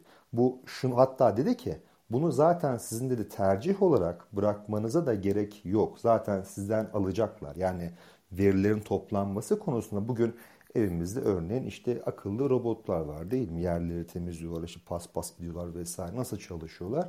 Wi-Fi üzerinden çalışıyorlar. Ee, yani şimdi bu bir veri topluyor mu Taner Bey? Herhalde topluyordur diye düşünüyorum. Ee, acaba işliyor mudur? Yani bir navigate search mekanizmasıyla, algoritmasıyla veri topluyor onlar. Tabii yani bu veriyi siz mesela Tanay Bey olarak diyebilirsiniz. Ya benim evimin kaç metrekare olduğunu efendim işte e, ne derler e, ne zaman ütü masasını koyup ne zaman çıkardığımı efendim kaç kişi girdiğinden paylaşabilirim sorun değil. Ben bu robotu 3400 euro yerine 700 euroya alırsam benim için sorun değil diyebilirsiniz. Ama bir başkası da diyebilir ki olur mu yani benim ortaya koyduğum kimliğin bir kısmı evimle ilgili. Dolayısıyla da ben bu bilgiyi de vermem, anonim olarak kalmak istiyorum da diyebilir. Bakın ne güzel bir tercih çıktı ama hani bugün evimizdeki bütün bu Wi-Fi'ye bağlı olan yani herhalde ortalama ben de atayım 10 tane herkesin evinde Wi-Fi'ye bağlı bir şey var ya telefondur ya işte kahve makinesidir, buzdolabıdır efendim akıllı bir şeylerdir hepsi. E şimdi bunlar zaten bir veri topluyorlar. Siz bunu satın alırken aslında bunu kabul etmiş oluyorsunuz. Şu olabiliyor mu mesela? Böyle bir şey karşılaştınız mı?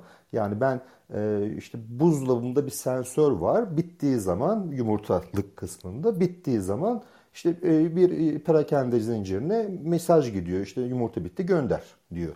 Aa tamam çok güzel ben bunu aldım çok sevdim. Aa bir dakika ya bu benim verilerimi işliyormuş deyip iade edebiliyor muyum acaba? Yani böyle bir şey de zaten söz konusu olmuyor. Zaten siz bunu bile bile alıyorsunuz.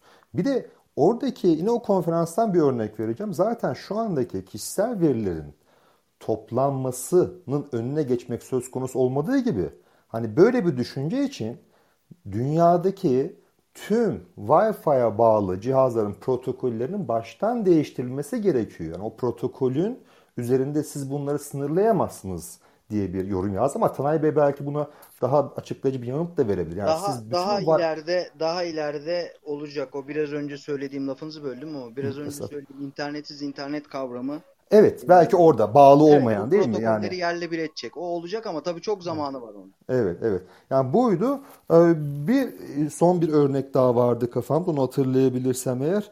Ee, hatırladığım zaman tekrar e, söylerim. Konu zaten şu an blockchain'ler ve şeye doğru iyice evrildi. Kişisel verilere doğru iyice evrildi. Ee, ha, ha şu vardı. Belki bu bir sonraki konuda başlı olabilir ama ee, ya bir de yani mesela Google'da şöyle bir şey var. Tanay Bey, e, Mustafa Bey siz de bilirsiniz. Ben unutulma hakkım diye bir şey var yani. Ben unutulma hakkımı e, kullanmak isteyebiliyorum. E, şuradan şunların kaldırılması. Herhangi bir suç olduğu için değil. Sadece unutulma hakkı. E, blockchain temelinde galiba değiştirilemez yapıdan hep bu kelimeyi kullanıyoruz. Değiştirilemez. Şimdi dolayısıyla ben blockchain üzerindeki sistemdeki unutulma hakkımı nasıl kullanacağım konusunu ben birkaç tane yine teknoloji üstadına sordum. Dedi ki hani geçmişe göre değiştirilemez ama yeni sistem farklı bir algoritma üzerinden giderek bir anlamda unutulma hakkında kavuşmuş olursunuz ama çok ben açıkçası o cevaptan doymamıştım. Hani ya ben bugün Google'a yazı yazıp ben unutulmak istiyorum şu noktalar dediğiniz zaman unutulma hakkım sahip olur ama blockchain'de geçmişte yazılmış bir şey nasıl oradan unutulacak? Yani o öyle bir strateji ya da teknik mümkün mü Tanay Bey? Yazılmış bir şeyin tekrar kaldırılmış olma ihtimali yani unutulma hakkından bahsediyorum. Böyle bir şey mümkün mü pratikte? Smart kontratlar tasarlanırken smart kontratların içindeki variable'lar değiştirilebiliyor. Yani constant olmayan bütün her şeyi değiştirebiliyorsunuz ama o bir kez yazıldıktan sonra bloklar içerisinde e, kalıyor. Yani bir nevi loklama yapıyor aslında önceki hmm. bloklarda. Zaten o önceki bloklardan doğrulaması gerekmiyor mu her şeyden önce bağlanması için? Önceki bloklardan doğrulaması gerekiyor ama veriler her seferinde yeniden e, adreslenip slotlanabiliyor. Biz o verileri değiştirebiliyoruz Adem Bey. Hı hı. Ama tabii smart kontratın yazılmasıyla alakalı bir şey bu. Yani her veri her zaman blok üzerinde değişmeyebilir. Yani örneğin ben şunu sistem pazar günleri ben e, evdeki o temizleme robotunu çalıştırıyorum dedim. Bundan 6 ay sonra ben bu verinin silinmesini istiyorum dersem siz bunu yapabiliyor musunuz sanayi? Tamam ben bu veriyi sildim blockchain e, şeyinden kaldırdım sisteminden kaldırdım diyebiliyor musunuz? Özellikle dağıtık hani defterden bahsediyorsak sizin belki kendi bilgisayarınızı siliyorsunuz ama hani milyonlarca insanınkinden silmek gerekmiyor mu? Orada benim teknik tabii, bir tabii, e, eksikliğim yok, olduğu için yok, soruyorum. Yok. O yüzden işte bir loklama gibi düşünün bunu tabiri caizse. Evet. E, bütün blokların hepsini çağırıp yeniden confirm ettirmek. Ya çünkü oradaki transaction'lara, TX'lere baktığımız zaman bizim bizim anlayamayacağımız şekilde e, şeyler vardır. E, hex kodları vardır ama hex kodlar normal şekilde bizim anlayabileceğimiz e, bilgisayar kodundan bizim anlayabileceğimiz e, yazı şekline çevrildiği zaman orada zaten datanın bir kısmını da biz okuyabiliyoruz. Her işlemin datasını okuyabiliriz o yüzden. Anladım. Ve onlar geçmişte kalacaktır. İsa Anladım. hocam da geldi. O da daha destek olacaktır bu konuya farklı bir şekilde. Evet.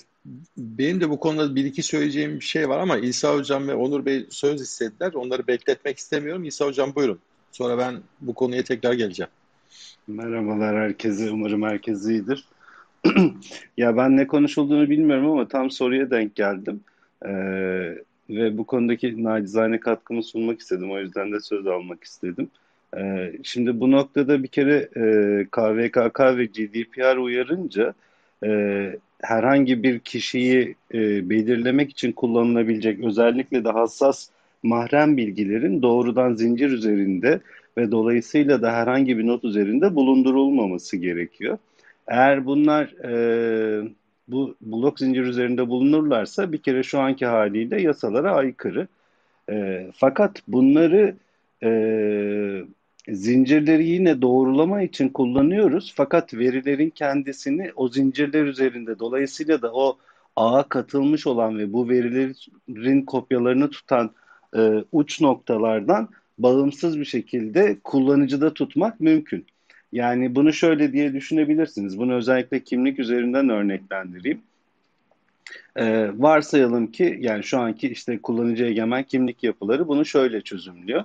Ee, yeni kimlik kartlarını işte e, nüfus müdürlüğü ya da İçişleri Bakanlığı e, bu kullanıcı egemen kimlik kartlarıyla verecek olsun kimlik yapılarıyla. Böyle bir durumda yine aynı şekilde aslında size bir e, dijital bir kimlik oluşturuyor ve bu kimlik içinde bir e, doğru olduğunu gösteren bir imza ekliyor bu e, kimlik bilgilerine ve bunu zincire yazmıyor. Bunu kullanıcıya veriyor. Fakat buraya atmış olduğu imzalama için kullandığı özel anahtarın açık anahtarını da ya da o kimliğin geçerli bir kimlik olduğuna dair ve buna benzer yan bilgileri de götürüp zincire yazıyor. Daha sonrasında sizde bu kimlik var iken e, şunu yapabiliyorsunuz. Örneğin işte gümrüğe gittiniz ya da pasaport kontrolüne gittiniz ya da herhangi bir yerde size bir kimlik soruldu. Siz e, bir akıllı telefon aracılığıyla işte bu böyle bir İçişleri Bakanlığı'ndan alınmış bir kimliğinizin olduğuna dair bir ispat sunuyorsunuz.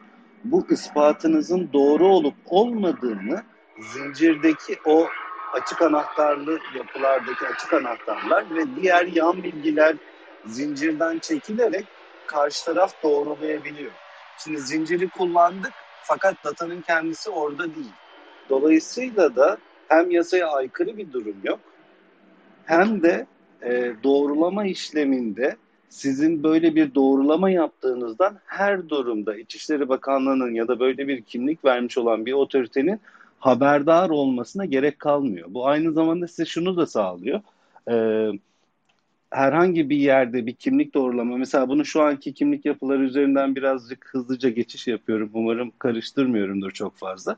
Şu an bir Gmail hesabınızla bir işlem yaptığınızda, bir servise Gmail hesabınızı kullanarak e, kendinizi otantike ettiğinizde, kimliğinizi doğrulattığınız zaman hemen hemen her durumda hatta hemen hemen her durumda değil her durumda e, Google hesabınız aslında bir Google'ın üretmiş olduğu bir hesap olduğu için Google tarafından sizin bu servisi kullandığınız biliniyor. Şimdi bu bahsetmiş olduğum kullanıcı egemen kimlik yapısında ise siz oradaki bir hesabı bile öyle bir online bir kimlik yapısını bile kullansanız bu tür servislere erişim sırasında doğrudan o servis yani bunu size vermiş olan otoriteye bir bağlantı kurmadan zincir üzerindeki açık bilgileri kullanarak doğrulama işlemini yapıyorsunuz. Böylece de kullanıcının mahremiyetine daha çok şey yapmış oluyorsunuz, riayet etmiş oluyorsunuz. Bir de tabii ki şöyle de bir durum da söz konusu. Şimdi dijital olan bir ortamlarda bırakın blok, blok zincirleri böyle merkezi bir bulut servisi veren ya da böyle servisler veren şirketlerin unutulma hakkı gibi şeyleri tabii ki yasaya uygun bir şekilde yapmaları bir zorunluluk. Bunun da doğru olduğuna inanıyoruz. Ama orada da hala daha yani evet biz seni unuttuk dense bile unutma işleminin o kadar kolay bir şekilde e, ve söylendiği şekilde yapılmaması riskleri var. Bunun olabilmesi için e, oradaki bilginin silinmesi kavramının bir kere tanımlanması gerekiyor ki ona bu tanım üzerinden bunun ne kadar yapılıp yapılamayacağını konuşmak gerekiyor. Bunu tabii ki kimlik üzerinden verdim. Bu çok kolay bir açıklama.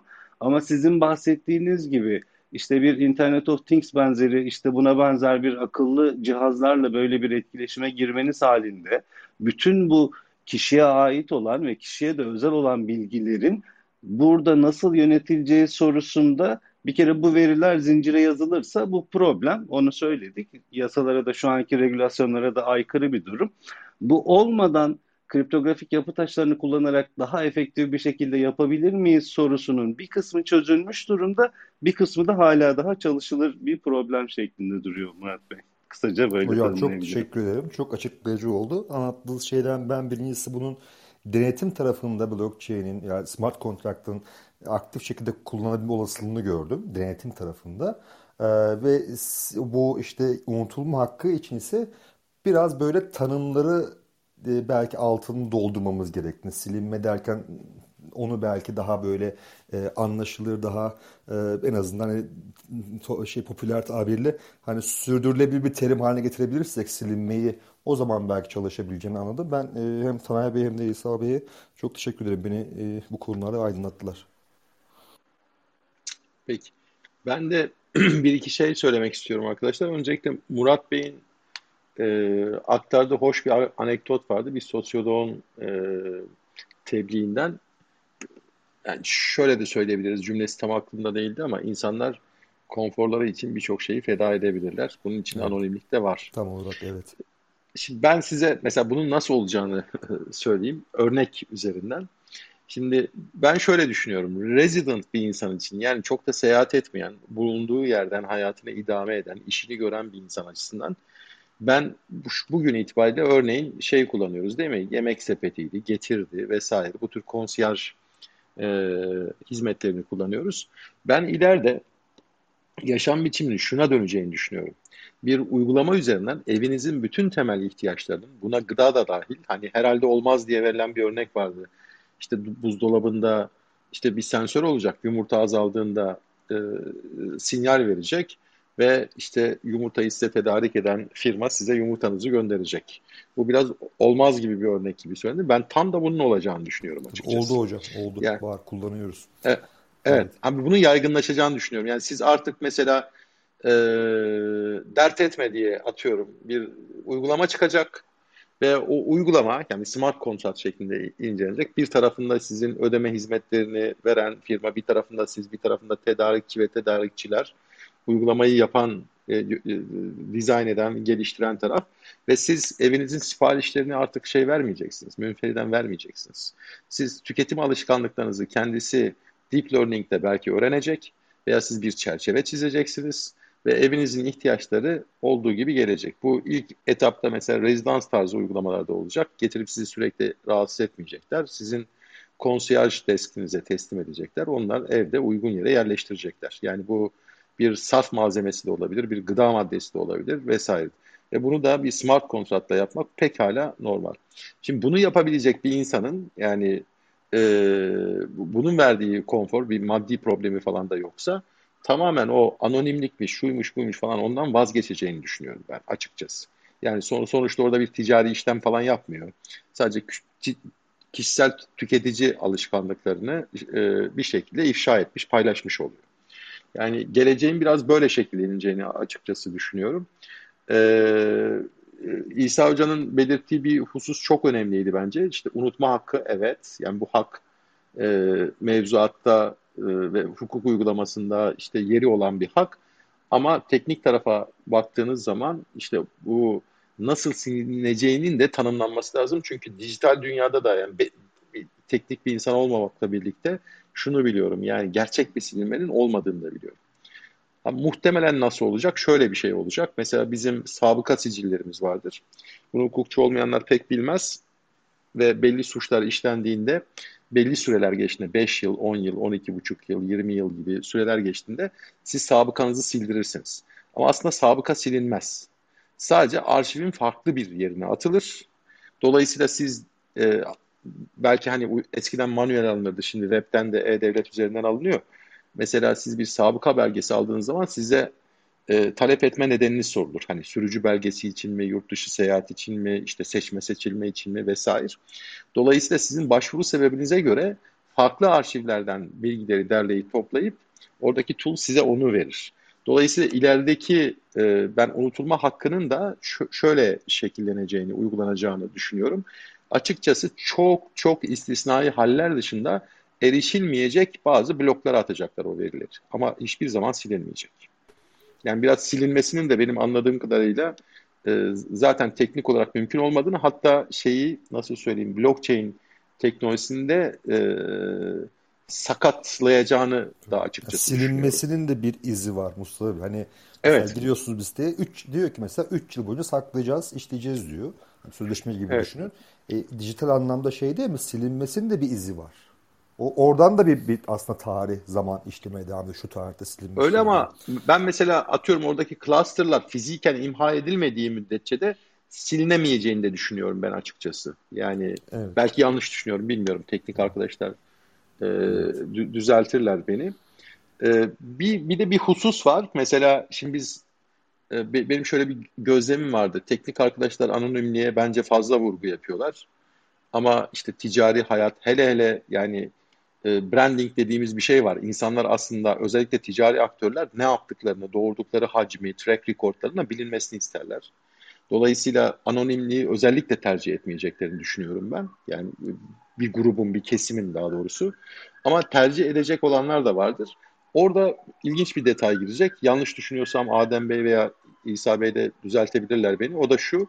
Bir kere zaten siz bir akıllı sözleşmeye anonim olarak erişiyorsanız, yani bir wallet üzerinden erişiyorsanız aslında orada bir kişisel veriden de bahsedemeyeceğiz.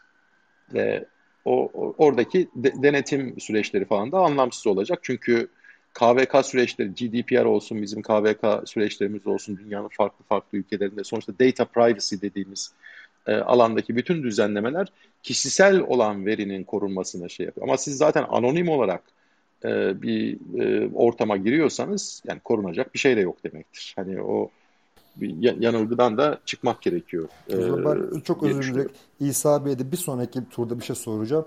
Yani gerçekten bu bilgi çağında, bu teknoloji çağında anonim kalmak diye bir şey var mı gerçekten? O bilgi sizi gerçek kiminiz ifşa etmiyor olabilir de. Hani bilgilerin toplamı yani ya işte e, milyonlarca zettabayttan falan bahsedersek 10 üzeri 30'lardan bahsediliyor. Hani bu noktada gerçekten anonim kalmak mümkün mü? Belki Seçkin Bey bir şey söyleyecekti. Ondan sonra bu soruyu yanıtlarsanız sevinirim İsa Bey eğer zamanınız varsa. Bu sorunun yanıtını da alalım sonra Onur Bey'e söz vereceğim. Onur Bey e, biraz daha beklerseniz. Ben bir hattan düştüm ama siz devam edin ben e, katılacağım. Tamam peki sağ olun. Tanay Bey, İsa Hocam siz Murat Bey'in sorusuyla ilgili ne dersiniz? Ee, ya bu gitgide zorlaşan bir durum Murat Bey. Ee, neredeyse imkansızlığa doğru evriliyor. Ve de zaten bu yani bir kere şunu ayırmak lazım. Şimdi anonim olmakla mahremiyeti korumak aynı şeyler değil. Yani e, ya bunun en güzel örneklerinden birisi seçim. O yüzden seçim üzerinden örnek vereceğim. E, seçimde bir kere işlem anonim değil. Yani bir kişi oy kullanıyorken e, çok özür dilerim. Bir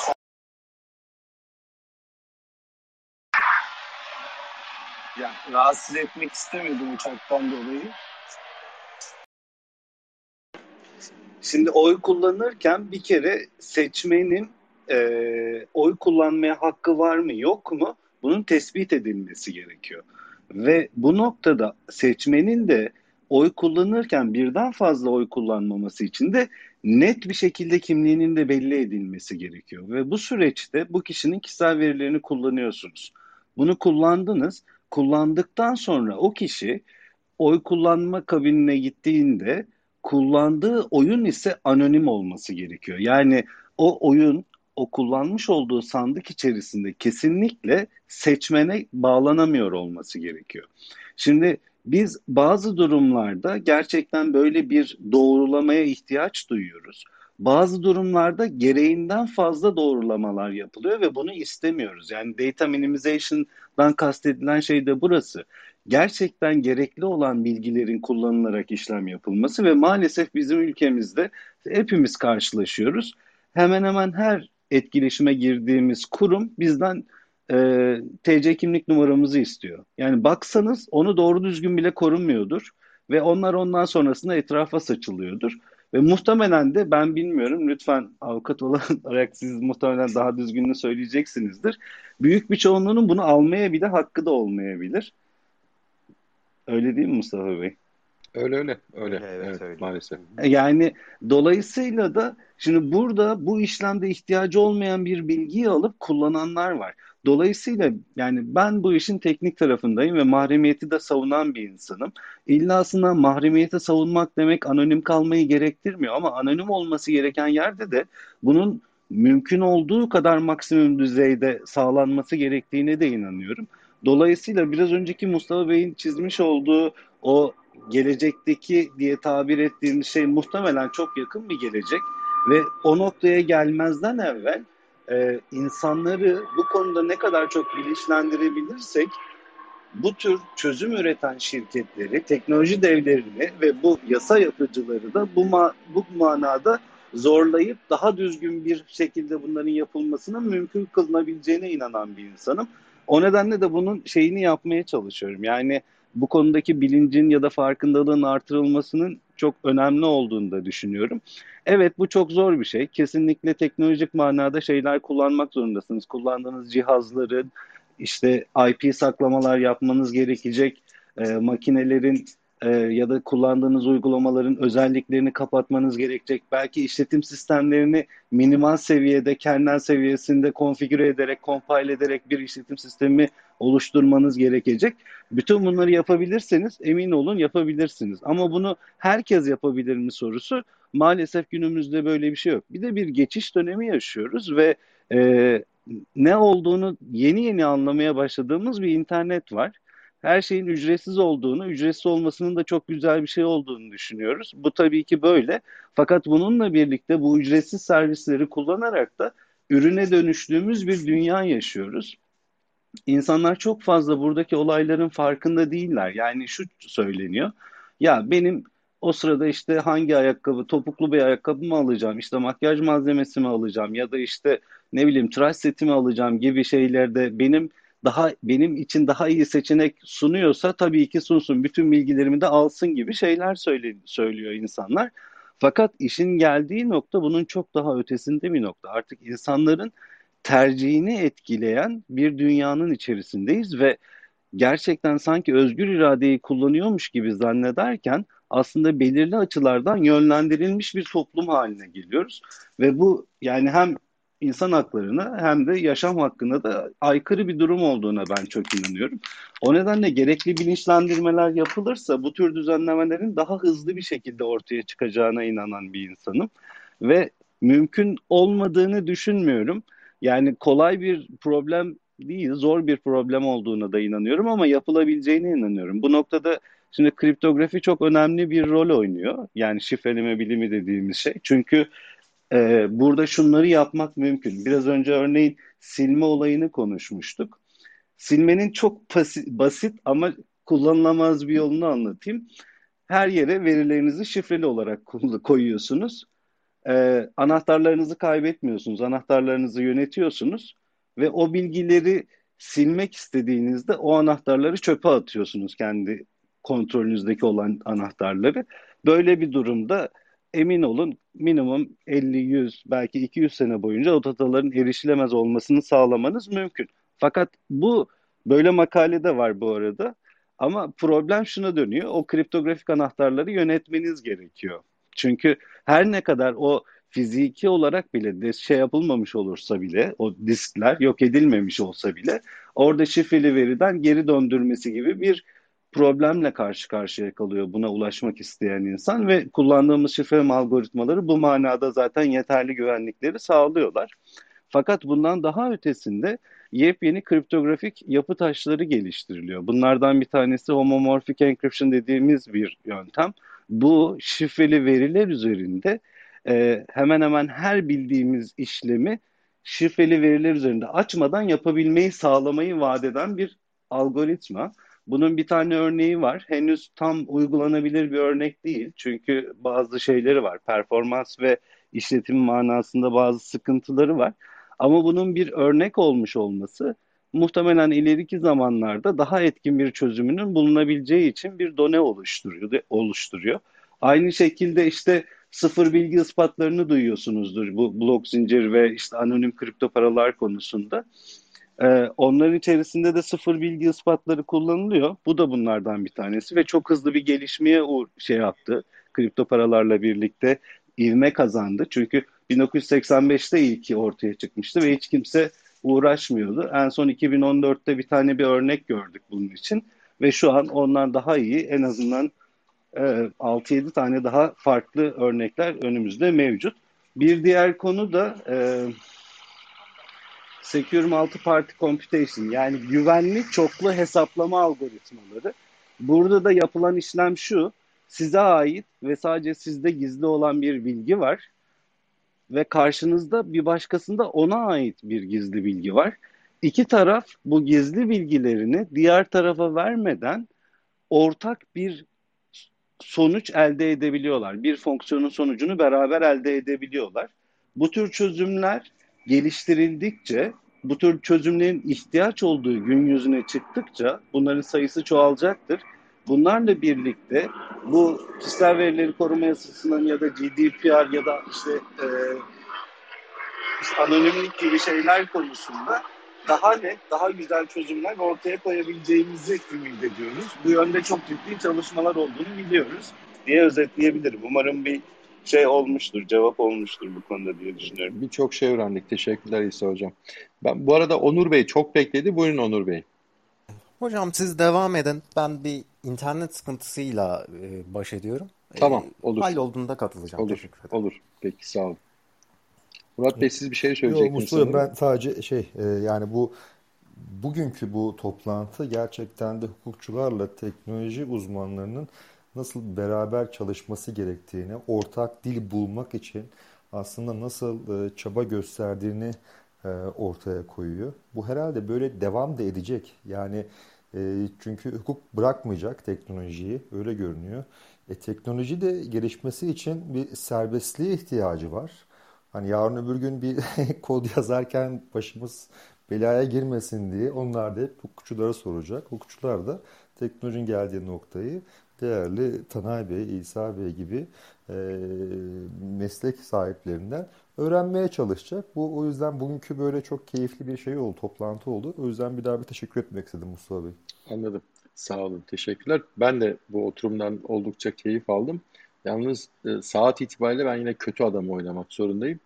E, her güzel şeyi uzatınca güzelliğinden de bir şeyler yit, yit, yitirebiliriz. Dolayısıyla e, saat 10 itibariyle 10 civarında bitirmeyi hep planlıyoruz. E, şeyi konuşalım isterim. Bir sonraki oturumun başlığını da önerileri olan arkadaşlar varsa alalım. Ve son katkılar veya eklemek isteyen bir arkadaş varsa son sözlerini de alıp kapatabiliriz. Bir sonraki oturum başlığı itibariyle önerisi olan var mı?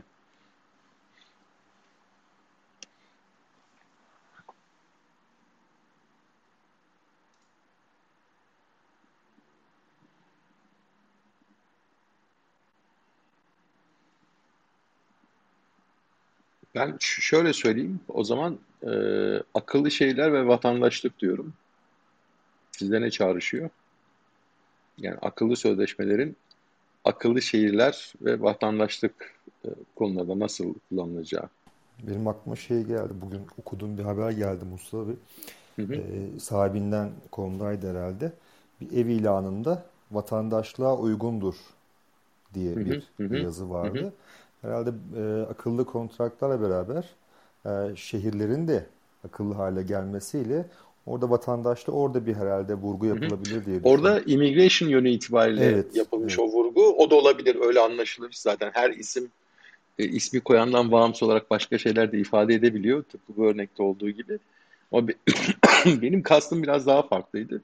Yani bir şehir vatandaşlığı, hemşerilik e, anlamında kullanmıştım. Ama immigration yönü de var mutlaka. Eğer itiraz yoksa bir sonraki şeyi Arzan Hanım siz öyle not alırsanız e, toplantımızı öyle duyuralım. Akıllı sözleşmeler, e, oturumun konusu da akıllı şehirler ve vatandaşlık Tamam. e, diye konuşacağız. E, evet, son olarak bir şeyler söylemek isteyen arkadaşlar varsa buyursunlar. Yoksa ben odayı kapatacağım. Hepinize çok çok teşekkür ederim. Hocam benim biraz kafam karıştı ama ne Nedir? E, belki e, kolayca giderebileceksek söyleyin. kolayca değil ama şimdi verilerimi İsa Hoca'ya vereyim, devlete mi vereyim? Ee, yoksa anonim mi bırakayım oraları karıştı ama tercih galiba bende olursa burada da çok memnun Ya olacağım. Çünkü aslında Tanay Bey'in bu Twitter'daki anonimliği benim hoşuma gitti. Yani ben Twitter'da paylaştığım şeylerin benim kimliğimle eşleşmesini asla istemem. Ama bazı yerlerde de İsa Hocam'la tabii ki dediği gibi e, kimliğimin açık olmasını da isterim. Sanırım olacak herhalde Ya teknoloji. bunu bunu bunu şöyle söyleyeyim yani süreç içerisinde zaten yaşayıp göreceğiz ama bana şöyle geliyor. Yani insanlar ben mesela Seçkin Bey siz belli işleri yaparken e, anonim olmayı tercih edeceğiz. Bu uygulama tabanlı bir şey sonuçta yani uygulamasına göre. Belli işlemleri yaparken de anonim ol, olma ihtiyacı duymayacağız. Yani hani konforumuza feda edeceğiz e, gibi geliyor ve zamanla göreceğiz bunu. Yani e, şöyle bir mutlak doğru yok. Yani ak ve kara gibi işte e, anonim kalayım bütün işlemlerimi isteseniz de olmuyor. Yani ben mesela yakın çevremden biliyorum, dönem arkadaşlarımdan, akrabalarımdan uzun süre smart telefonlara direnenler de oldu. Uzun süre kredi kartı almaya direnen yakınlarım da oldu, arkadaşlarım da oldu. En de sonunda aldılar. Yani e, bazı şeylere karşı koyamıyorsunuz. Yani Standart belirli, teşkil ediyor artık. Mustafa Hocam belirli konularda anonim kalmayı tercih edeceğim. Belirli konularda anonim kalmamayı tercih edeceğim dediniz ya. Evet. Bu bile o kadar çok aslında e, insancıl bir şey ki yani böyle bir tercih hakkımızın tabii, tabii. olduğunu düşünmek bundan bahsediyorum. Yani e, isterseniz anonim e, kalmazsanız Microsoft Office'i ücretsiz kullanabilirsiniz denirse orada farklı modlarda aynen, çalışabilir. Aynen. Yani orada ama... tercih sanki çok güzel bir hani fütüristik bir yaşanmış gibi sanki hani ama hı hı. aslında arka planda sanki çalışan başka şeyler var gibi ama çok komploya girmek istemem. Evet. Evet. Ya, yani e, şöyle de söyleyebilirim. E, toplumdan topluma ve kişiden kişiye yani bu tercihler de değişecek. Yani örneğin ne bileyim e, düşünce özgürlüğünün bir hala bir sorun olduğu ve ifade özgürlüğünün sorun olduğu yerlerde muhtemelen kişiler sosyal medya mecralarında anonim kalmayı tercih edecekler. Yani daha özgür düşündüklerini söyleyebilmeleri için. Ama pür yani kendi ticari faaliyetiyle ilgili bir işlemde de özellikle bir de branding şeyi varsa yani kaygısı varsa yaptığım işlemlerle tanınayım, sürekliliğim olsun falan diyenler de o tür işlemlerde şey yapacaklar. Bu da bir yoğurt yiyiş biçimi, bir terbiye biçimi olacak yani önümüzdeki dönemde. Yani insanlar nasıl giyim kuşamla ilgili renk, model, işte e, şey konusunda, tarz konusunda bazı tercihler yapıyorlarsa ileride bu uygulamaları kullanırken de veri paylaşımı konusunda da herkes iyi veya kötü, isabetli veya isabetsiz o tercihleri bulunacaklar ve önümüzdeki dönemde mesela hayatta hibrit olacak bu anlamda. Yani e, hatta bir şey daha söyleyeyim. Şimdi bu anonimlik vurgusu yapılırken daha çok e, devlet otoritesine karşı veya vergi idaresine karşı veya işte rakiplere karşı falan e, bir önlem gibi düşünülüyor. Ama ben size bir şey söyleyeyim. Belki kabul edeceksiniz veya etmeyeceksiniz. Ama e, blockchain platformunda anonim kalıp işlem yapacak olanların ağırlıklı bir kısmı yani işlem bazında söylüyorum sayıca değil de devletler olacağını düşünüyorum. Doğru, yani doğru. örtülü ödeneklerin sarf yöntemi itibariyle oradaki kripto varlıkların da ben kullanılacağını düşünüyorum. Yani de, devlet belli yönleri itibariyle kendi hegemonyasını dayatıp belli işlemleri e, yasaklayacaktır. Oturumun başında konuştuk mesela bir akıllı sözleşme uygulamasının işte Türkiye Cumhuriyeti şunu diyecektir muhtemelen. Benim KVKK standartlarıma, minimum gereksinimlerime uyacaksın yoksa faaliyet vermem. Ha, tartışırız. Yani devlet ne kadar fark edecek vatandaşının o uygulamayı kullanıp kullanmadığını, nerede yakalayacak, nasıl yaptırım uygulayacak e, bunları tartışabiliriz ama bunu prensip itibariyle söyleyecektir. Ama söylerken o, bazı kripto para, para, e, varlıklara da yatırım yapıp belli operasyonlarını oradan fonlamayı tercih edecektir. Yani önümüzdeki dönemdeki hayat bir hayli farklı olacak. Yani bütün mesele de şey e, bizim bu değişime e, işte ayak uydurma kabiliyetimizde bizim başarımız e, ve işte performansımız üzerinde bayağı belirleyici olacak gibi geliyor. Peki ben herkese çok teşekkür... İsa Hocam bir şey mi diyecektiniz?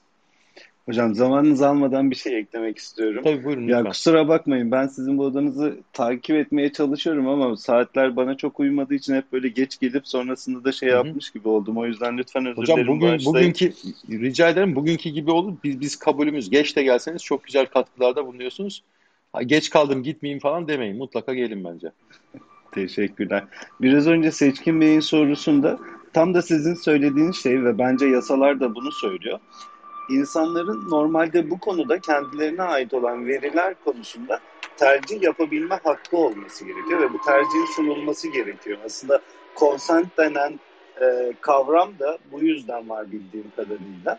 Bu noktada şu var yani Örneğin herhangi bir sosyal medya ortamını kullanıyorsunuz. Bu sosyal medya ortamı iki tane seçenek sunsa dese ki kardeşim bana şu kadar ücret öde ben senin kişisel verilerine dair hiçbir şey işlemeyeceğim. Hiçbir şey toplamayacağım. Ya da diyebilirsin ki ya bak benim de çalışmam lazım. Bunları işleyeceğim. Sana ücretsiz kullandıracağım. Hangisini istiyorsan diye bir tercih sunması bile büyük bir şey olduğunu ben düşünüyorum öncelikli olarak. İkinci olarak da e, hocam Seçkin hocam böyle bir konuda insanların her şeyden önce şunu anlaması gerekiyor. Hiçbir şey ucuz değil. Bu konuda insanların kendilerine ait olan bilgileri korumaları, yarın bir gün işte bu e, merkez bankalarının çıkartacağı kripto şey dijital paralar olabilir ya da kripto paralar olabilir. Bu konularda insanların sorumluluk alması gerektiğinin de bir farkındalık oluşturulması gerekiyor. Çünkü e, şu an herkes şeye çok alışkın. Parolamı kaybettim. Aa ben sana hatırlatayım. İşte hesabım bilmem ne oldu. Tamam cep telefonuna mesaj göndereyim. Bu sayede senin hesabını sana geri vereyim. Yani bu kolaylık o kadar şey ki insanlar için cezbedici ki ya bunu bırakıp diğerini ancak alabilirlermiş gibi hissediyorum. Dolayısıyla süreç muhtemelen geçiş süreci de o kadar kolay olmayacak gibi gözüküyor. Onu da eklemek istedim. Teşekkürler İsa Hocam. Evet. Herkese katkılarından ötürü e, çok teşekkür ediyorum. Bir sonraki oturumda görüşmek üzere. Herkese iyi akşamlar.